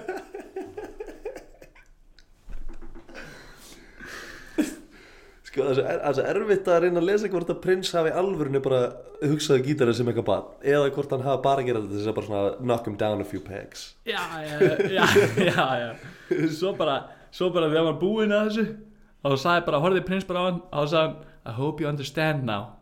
Please leave. Svo bara daginn eftir bara setti bara eins og ekkert að það skeið, skilur prins bara alltaf þess uh, hann var einhvern veginn alltaf eitthvað svona powerplay þar sem hann Já. var alltaf on top. Já, já, já, greinilega. Svona eitthvað svona minni manna komplex að þú veist. Og það er bara svo fyndið þóttu því að ég eh, þekki ekki leik fyrir Wesley Snipes, hef ekki séð þessa mynd til dæmis, Nei. þannig að fyrir mér er Wesley Snipes bara eitt karakter og það er Blade. Já, já, já, þannig að sjá fyrir mér Blade vera að kissa gítarir og breyði Já, bara einhver, þú veist, og líka þannig er hann bara ungur, skilur þú veist, hann er bara eitthvað átjánar skilur, þú veist, hann er bara eitthvað svona að reyna meika það í Hollywood. Vel, þetta er svona, þetta er svona aha moment bara fyrir hann bara bara já, þetta er bransin ég kom inn- er svona er bransinn. Svona er þetta bara. Já, Vá maður, þetta er geðveikt. Það var hérna hann var líka uh, einu sinni hann var hérna, hann var, hann var, hann var NBA player eða sem sagt, NBA körbóltamæður Já. sem heitir hérna Carlos Boozer Er ekki NBA? Jú, NBA, Já ekki, ekki Master of. Business Nei, Administration nei, Já. hann var ekki með MBA Nei, í. Nei. Já. hann var NBA, NBA, já. og hérna uh, árið 2004 þá skrifaði hann undir samning hjá Utah Jazz Hver? körfuboltalið, Carlos Boozer Carl Sprucer, já. já, bara körfuboltamæður og hérna, hann bara eitthvað svona á, þú veist, fjekk fólki mikið pening verið að skrifa undir og hérna, langaði að kaupa sér hús eitthvað, kaupa sér hús í Bel Air í LA Mm. 10-12 setni er ekki bara eitthvað svaka flott og, og nema, svo var hann alltaf, þú veist, hann bjó í LA hann var að spila fyrir Utah. Og hérna, hann var alltaf að fá eitthvað svona símringingar með hérna, eitthvað svona eitthvað lið sem vildi leigja út, skilur mannsvonni svo færa bara símringingu og það sé bara einn kandidat sem er tilbúin til að leigja það fyrir 95.000 dollara á mánuði í heilt ár.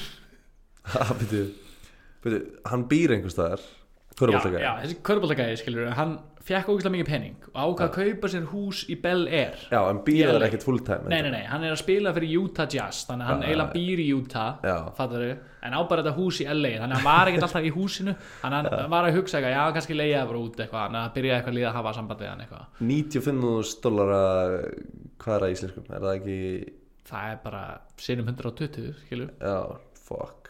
Bara, og það var Fresh Prince já, Air. já, þetta er bara 120 miljónir á mánuði, skilur það er Eh, meira, eða ekki? Nei, nei, þetta er þá 1,2 miljónir á mánuði tí- 10.000 dólar er 1,2 miljónir Nei, já, tjók Það er svo að þetta er 12 miljónir á mánuði.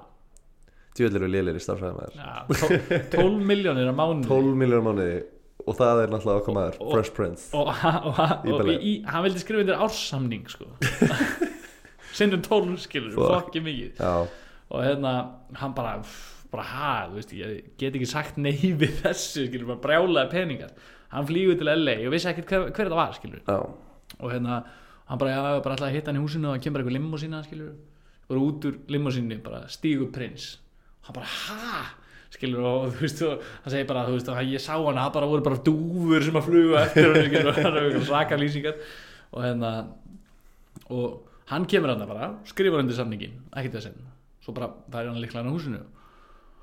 Svo er hann alltaf bara að spila fyrir Utah Jazz og býr í Utah, Carlos. Og hérna og svo lendur hann í því, einhverju nokkur mánuðum setna þreim mánuðum setna þá slítur hann hásinn í leik. Já. Og hann bara fuck maður, ég get ekki spila ákveður að fara til LA til að fara í hérna svona læknisþjálfunni eða þú veist svona mm að ná sér upp.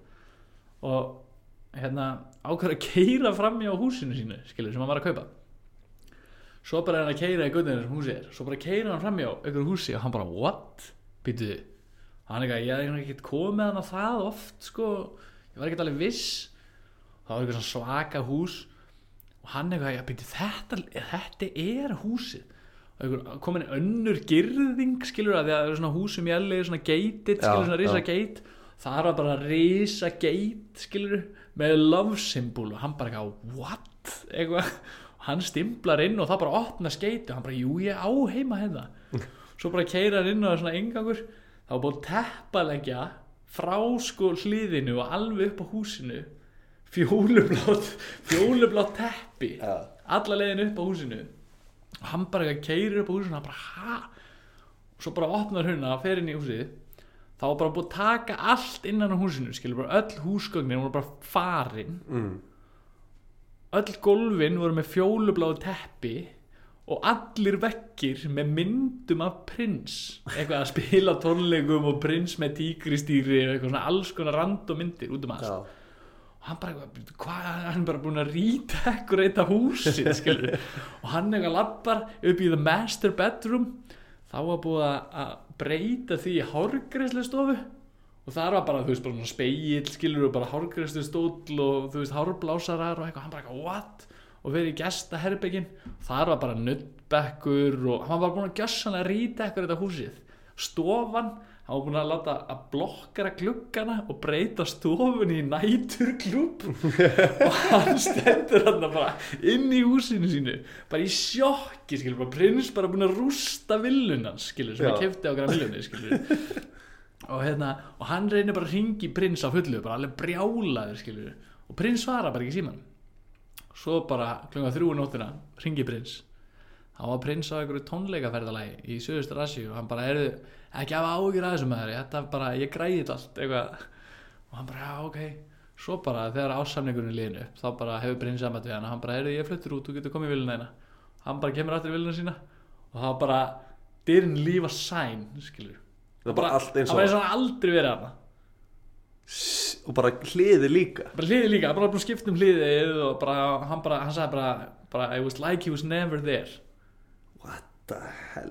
Þú veist Og þetta prins hefur ekki þurft að þóla þann hausverk sko. Það er- Nei, nei, hann hefur bara ringt í liðið og bara er þið, já, já, þið þurfa að græða þetta. Shit maður. Fuck hvað það hefur mikið vinna Líka bara nætuklúpurinn í stofunni Já, já, bara eftirparti í hús Þetta er bara, já, eftirbart í hús. Shit. Og hann hérna og hann, hann bara, þú veist fór ekki sáttum, eða þú veist, hann eitthvað sagði að, að, hérna, að fastegna valjúð hafi aukist um 30% bara fyrir það að prins hafi leikt húsið hans í Í eitt ár. eitt ár, já, pældi og hérna já, þú veist, og hann var náttúrulega eh, þú veist, eins og, eins og hérna, Kevin Hart sagði, hann bjóði í sínum eigin viðraleika Já, og hann sagði til dæmis einhvern tímann sko, þegar Obama var kosin mm. þá sagði hann bara eitthvað já, ég held að Obama myndi láta svona bara banna afmæli bara, ha? já, ég einhvern veginn, mér fannst það á eða mér, þú, mér finnst það einhvern veginn mega sens að ég bara, bara vera alltaf afmæli sitt Þannig að, prins kaus Obama Ekki út af því að það bara Það komið tíma og svarta fórst bara, bara þessi maður ætlar að banna afmæli. Shit, sko. Æ, En ta talum það, hann var alltaf að koma, koma fólki óvart og það er- önnur saga hérna frá, frá Questlove. Að hérna að, var sem sagt, sem sagt uh, Jimmy Fallon fær prins til að spila í þættunum sínum. Mm. og, og hann hérna prins er hérna þetta er svona eitthvað svona freka, freka svona skrítið þú veist hann hérna aðstofólki hans hefur samband við Jimmy Fallon og hérna segir við hann að hérna hæ, við erum að ringja hérna frá prins? Hann bara já. Hérna, prins langar rosalega að spila við pingpong bortennis hann bara já.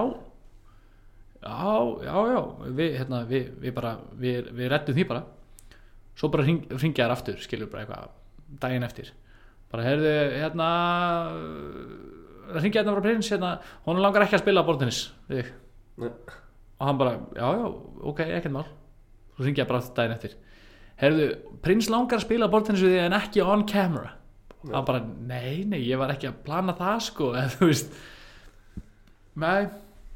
Ringja aftur, heyrðu, hann, nei, hann er alveg vissum það að hann langi ekki til að spila bortennis og Jimmy sagði bara hann var náttúrulega þessu. Ég sagði bara, já, ég verð bara með bortennisborðið skilur ef honum dettur í huga vilja taka einn leik eitthvað svona skilur og hérna svo ringjaði bara áður en að prins kemur.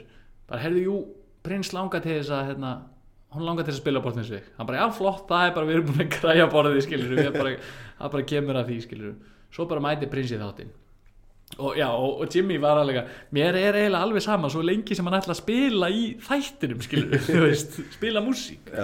Og hérna og bara, ú, hann gerir það.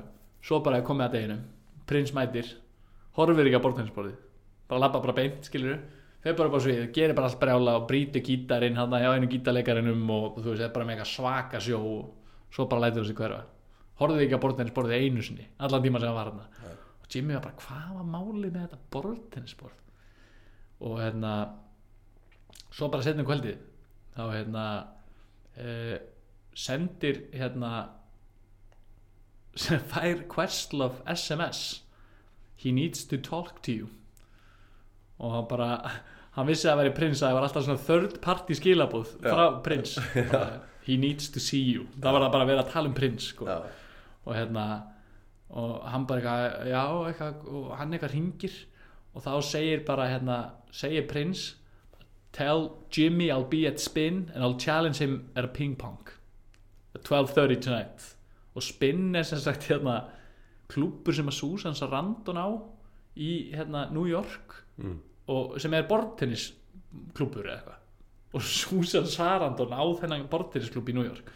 Og hann eitthvað og Questlove eitthvað bara já Jimmy er örglega ekki til í það. Hérna, hann var eignast dóttir í gær þannig að hann er bara heima með fjölskyldinni og prins bara whatever man, tell him I'll be there at 12.30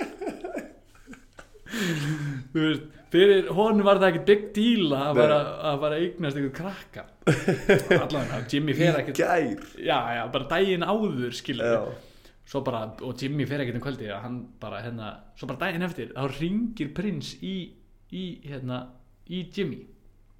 Og hérna og, og hann segir bara hérna, hann segir bara hann fær síndað bara, he wants to play now. He wants to play ping pong with you now.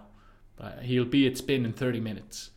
Og hann bara eitthvað, "Ah, ég er bara um fjölskyldinni og eitthvað, hann bara, he will be there. He's waiting for you. Og hann bara skellir á og bara, þú veist, sagði bara eitthvað við kona sína, bara, hefði ég bara verið að fara prins er að skora á mig í bortennis og hérna og Jimmy lappar eitthvað, þú veist, fer innan hann bortennisklúb hann að spinn og Questlove ætla að koma og hita já, og, og Jimmy kemur hann og lappar eitthvað inn og lappar niður eitthvað stiga og þar er svona fjólublátt tjald og, og hann bara eitthvað svona er að snúast um hann og kemur eitthvað gaur bara Are you here to see Prince? hann bara já. Bara yeah, he's behind the curtain svo bara svona dróan frá svona curtain og þar stendur prins bara í svona tvíneftum svona fjólubláum jakkafötum haldandi á bortennisbað og sagði bara um leið og tjaldi fór upp bara ready to play ball. Og þetta og bara já, ready to play já, bara um leið skilur Já. og Jimmy bara, bara já, já, já eitthvað. og hann eitthvað rétt hún að spaða svo bara, viltu hitta upp og, og Jimmy bara, já, já og svo bara, ja, þú veist, þeir kasta nokkur svona á milli hana, þú veist, þeir að æfa sig. Já, og hérna, og Jimmy hérna segir bara, já, ok, ég er bara, ég er bara klár. Og, og prins bara eitthvað ok. Og prins er á uppgjöf og hann bara tekur bara og negli bara boltanum bara, og það er bara mega hraði í borðu og Jimmy bara á ekki sens. Og bara um leið og prins sló boltan og sagði hann bara 1-0 þú veist, vissi bara að myndi. Og Jimmy bara, þú veist, sagði bara hann stóð þarna og hann er með svona, þú veist, svona dádýra augu, skilur, svona alltaf svona svona gett svona falleg augu og hann bara, yeah, þú veist, þessi gaur, skilur ég ætla ekki að láta það dádýra gaur með, þú veist, þetta gaur með bamba augun, Já. eitthvað að vinna mig í bortennis svo bara þú veist, heldur leikurinn áfram og prins er bara rústun í bortennis og svo er staðan bara orðin eitthvað 27 eða eitthvað fyrir prins og prins að uppgjöf og hann segir bara game point hann bara, hann bara negli boltanum og, og Jimmy sagði bara they were bara, bara there were flames coming out of the ball og eitthvað. Og hérna og boltinn skoppar yfir og lendir á helmingnum hjá borðinu á Jimmy Kimmel svona alveg á kantinum skilur við svona óverjalegt skot. Já Jimmy Fallon segi ja, þú veist, á kantinum í honum Já. og lendir á, alveg á kantinum sem er svona óverjalegt skot í bortinu skilur, er svona skýst í kantinum bara beint í gólfið skilur og hérna, bara ekki sens að verja og bara boltinn fyrir gólfið og hann bara næri ekki sens og hann bara, ah, fuck, snýr sér við og það er að hlaupa og ná í boltan tegur boltan, snýr sér við og bara prins orfin og hann, hann eitthvað, þú veist ég þekkti ekkert prins skilur og ég eitthvað, ég held að hann væri eitthvað að grínast og hann var bara að leita, hann var bara eitthvað undir borðinu eitthvað, og prins var bara, þú veist, hann bara fann eitthvað ekki, skilur. Já, hann bara búið að loka fyrir gardinar og hann bara, hann bara, ha, skilur, hann bara, hann bara var ekkert annað, skilur, lengur og, hérna, og á sama tíma þá er Kvestló að hlaupa inn á staðinn, skilur, er að bara fara að hlaupa inn á staðinn. Já, þá sér hann, þú veist sportbílnars prins vera fyrir utan hann bara fara að keira úr bílastæði. Og hann bara eitthvað, hleypur að bílnum bara og þú veist að bankar á gluggan og það bara skrúast niður glugginn. Og hann bara, hvað hva gerðist til það? hann bara, ask your boy. Svo bara rúlaði hann upp glugganum og bara keirði í burt og Jimmy Fallon ennþá niðri að leita að prins þú veist af hverju veist, þetta er 100% pl af planið á hann um all along, skilja, já, veist. já, hann líka bara eitthvað legend í bortinu og legend í í körfubólta og hann er bara og þú veist, er og, ha, það er bara allir í sjokki yfir þessu og, og hérna, og það er svona, svona kannski ein hérna, ein skemmtileg loka saga til að slá hérna botnin í þetta og þá var hérna um miðjan hérna nýjunda áratugin að þá hérna þá voru MJ og Prince að taka upp taka upp hérna í sama stúdíónu í LA Já, og einn daginn þá rekst prins á Michael Jackson svona fyrir utan í svona chillsvæðinu sko, það var svona sikkur svona sound engineer og eitthvað. Mm. og skorar á Michael Jackson í bortennis í, í leikjaherbygginu það bara hey, wanna play ping pong? Aftur bortinis og MJ bara þú veist, hann bara já já. En MJ er náttúrulega búin að, þú veist, lifa bara í einhverju búblu síðan að hann var 8 ára gamall Já. eitthvað, skilur, aldrei spila bortennis á æfinni, skilur og hérna, svo voru mann að spila svona eitthvað smá. Og prins átti uppgjöf. Og, og hann segir bara should I slam it, skilur, á ég að slamma boltarum og MJ var svo hrættur, hann bara svona misti bortinstaðan og greip fyrir andlitað sér og bodyguardinn hans lappaði fyrir fram að Michael Jackson og leitt hann út úr leikarbygginu að því hann held að prins væri að fara að slasa Michael Jackson með bortinsbolta og, og prins bara fór í hlátuskast og sagði við sem að soundengineerin sín bara að, að bara að Michael Jackson hefði spilað bortinnis eins og Helen Keller rauna yfir það er og Helen Keller fyrir, ekki, fyrir þá sem Já. ekki vita var sem sagt bæði blind og hirtnalus alla efi og já, var blind og hirnalaus alla efi en lærði að tala. Já, hún, hún, hún fann upp blindraleitur. Aha, alveg já, hún bara ég vissi það ekki. Ég vissi bara að hún hefði lært að tala með því að setja henduna á rattbönd til fólki og skinja víbringin í en og gera þessu saman sjálf já, og svo bjó hún held ég til Braille. Já, fyrir þá sem hérna hafa áhuga að vita meira um Helen Keller þá mæli ég með hérna YouTube eh, myndbandi sem heitir hérna Flying Dildos. Já, og hérna þar er stutt saga um uppistandara sem hérna fór á hérna safn uh, Anne Frank safnið sem hann held að væri safn um Helen Keller. Gekki saga. En já, Arnar, þetta er svona Þetta er sögunar þetta eru sögurnar Ok. af prins. Shit, ok, fyrir það sem er að hérna tjúna inn í, í þennan þátt sem fyrsta þátt þá er sett formið þannig að það er ein sagan lega saga já, Og- ein sagan af öllum þessum sögum er saga sem að ég spann Já, frá upphæði til enda. Ég var alltaf að býða eftir að það væri augljós skilur, að þú veist að þetta er núna fyrsta sem ég sit hérna með og því að þú varst hérna að gíska senast já, og ég var einhvern veginn bara eitthvað að býða eftir að sagan sem væri augljóslega líka ég var ekki að ímynda verið að þetta væri svo ógeðslega erfitt. Já, þetta er nefnilega hella sko. og uh, það er sérst þannig það er eins og þú sagðir. Já, eins og þú sagði síðast og eins og formatið er að við segjum þessar sögur. Ein af þessum sögum er ósönn frá Já, upphæði til enda fröpuðallenda það, það er eitthvað í henni sem að hefur kannski eitthvað svona veraldlegan sannleik mm en sagan sjálf er uppspunni frá byrjun til enda. Og þú verður að reyna að giska á Ok. hver af þessum sögum er algjört bull. Shit. Viltu, viltu fá hérna viltu fá recap? Já, fáum hérna ríkapi maður. Ég, sko, ég held ég minn svona cirka allar söguna En ég var að fá ríkapið já, recapi, að- það getur kannski svona byrjað það getur kannski hérna byrjað á því að hérna með með Questlove þegar að, hann bauð tíu vinnur sínum á prinstónleika í Philly. Og endaði að þurfa að redda eftirparti og, og spila og spila. Finding Nemo. Það var ógeðsla fyndið uh, svo var hérna uh, það að prins var hérna votti Jehova já, og hérna og lendi einu sinni í því að, að þegar hann var á túra það var kona inn í vegnum á hótelherbygginu hans með vasaljós að lesa biblíunar að konvertunum um trú. Það er svo ótrúlega Já, uh, svo er Charlie Murphy sann þegar að prins mætir á klubbin og, og býð, skorar á Charlie Murphy og Eddie Murphy í körubólta og rústa þeim. Þó að þeir væri, þú veist bara 30 cm hærðir já. Svo er Purple Rain sagan. Það sem að Wesley Snipes Já. var að stíga sín fyrstu það skrif var nummer eitt bara öllum heiminum og Wesley Snipes þurfti að pakka gítarunum hans inn.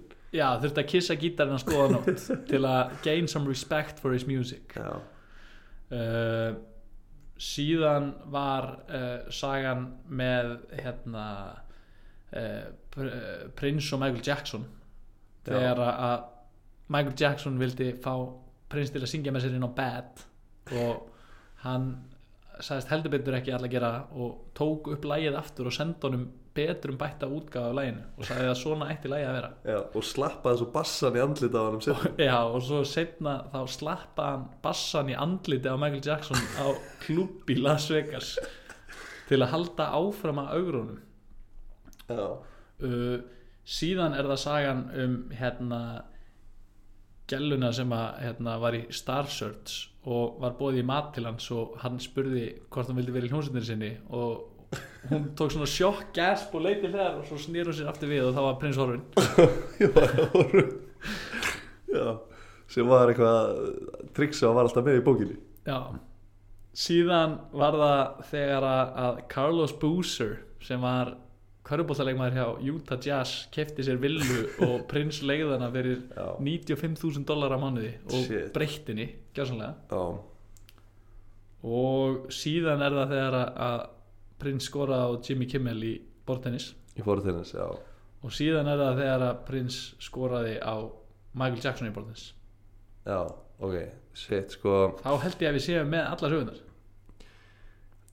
sko af, af þessum sögum þá finnst mér eiginlega svona mestla rugglið vera votta ég hafa sagði What að ég að sagja? Já, þú veist, ég þú veist, ég haf aldrei heyrt að hann væri votti ég hafa ég, ég er ekki að segja að það sé svona færlega sjóli strax sko. en bara ég haf aldrei heyrt að hann væri votti ég hafa og það skildi einhver kona hafa ákveðið það að hann geti breytt honum með því að lesa sálma bara á bakvið veggina hans. Ver, Verið í millivegnum. Já, er gjössalega klikkað.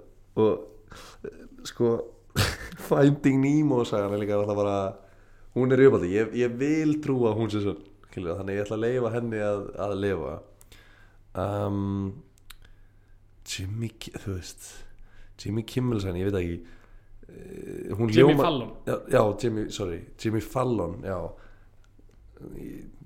Hún, hún hljómar mjög problem sko. ég, það eina sem ég er að pæla er að stákurum myndi maður vilja spila bortennis við Jimmy Fallon? Þú veist hvað ég, það eina sem ég hugsaði bara eitthvað hvað er prins að pæla? Hann bara já Jimmy Fallon.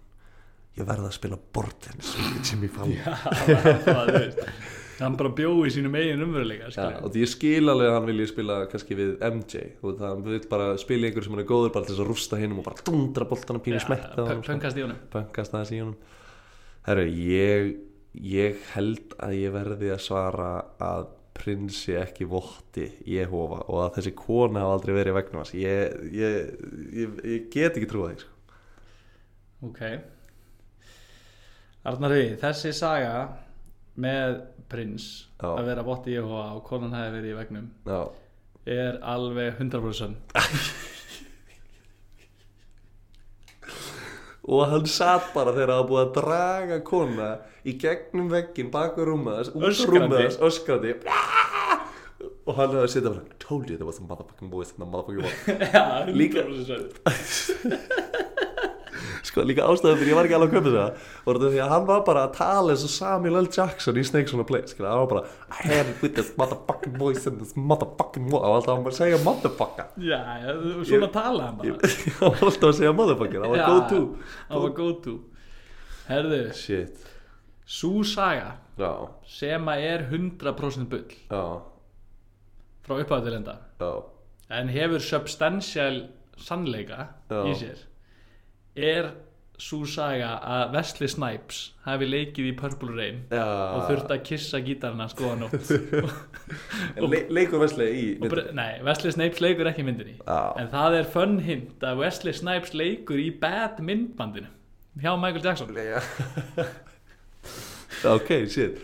Ég er alltaf, ég hef ekki séð þessa mynd sko. Nei, sko Pur Purple Rain, að, það sem ég talaði um á undan að Purple Rain hafi komið út og verið vinsæl og læg, það er alltaf satt. En að Wesley Snipes hefði leikið í myndinni og prins bara brjálaður út í hann og hann þyrfti að fá Gotta res- respect the music. Respect the music og, hérna, og hann þyrfti að breyða yfir gítarinn og kissa hann góða nótt. Ok, er 100% spill ég verð að gefa þér hats off fyrir sturla góða legasög Þetta er alveg mögulega einn seinasta saga sem kom í hugun á sem lík? Þetta var bara fakt eitthvað sem prins En, en, samt huge hint að Wesley Snipes er ekki eins og í myndinni. Já, að- hint. Já, þetta er bara svona mynd sem að ég með grunna væri ekki séns búin að sjá. Nei, nei, eins mikið og ég elska lægið Purple Rain þá hef ég ekki séð myndina Purple Rain. Nei. við þurfum kannski að fara að horfa á hana bara. Já, kannski við gera það bara eftir þennan þátt maður. Þetta var ógeðslega gott. Ég held að það er langt sen ég fór í jafn mikið hlátuskast eftir Nemo-söguna sem ég er svo glaður að vita. Það er 100% sönn saga. 100% Þannig að það var bara eitthvað eftirbært í þess að eitthvað spilaði þetta. Og gaf hann bara Finding Nemo já, pældi í, skilur hann bara, hann vildi bara chilla horfa á Nemo. Okk maður, ok. Gæðvegt, herru, takk fyrir þáttinn maður. Þetta var, takk sem er leiðis, Þetta ég er spenntur fyrir næsta heiti já, ég er mjög spenntur. Hérna, uh, Og bara endilega Bara vinn ykkur frá okkur ef þið fílið þetta Og já. Við erum á Instagram. Já, við erum á Instagram uh, Heitum neyha á Instagram já, En akkántan okkar er ney undirstryk ha undirstryk já, mjög arti Það er aðaláta því að það er einhver kona frá Philipsheim sem heitir ney undirstryk ha við höfum átt að ráða hana Já, ég, hef, ég var að pæla að senda henni message eitthvað. Er þú til að vera undirstryk og við getum verið já, En hún heitir nei ha já. Uss, Nei ha það er gæði Já, heita nei ha, það er geðvegt til að vona að hún follow okkur. Já, nei ha, ef þú ert að hlusta og skilur íslensku þá er hérna frítt húsnæði, frí gisting og frí ferð í blálanu í bóði nei ha já, fyrir. við þakkum fyrir þáttinn. Uh, takk fyrir að hlusta, Já, við höfum gaman að þessu vonum að þið að gaman að þessu. Og bara þangar til næsti þáttur, hann verður bara í næstu viku. Já, Takk fyrir. Bingo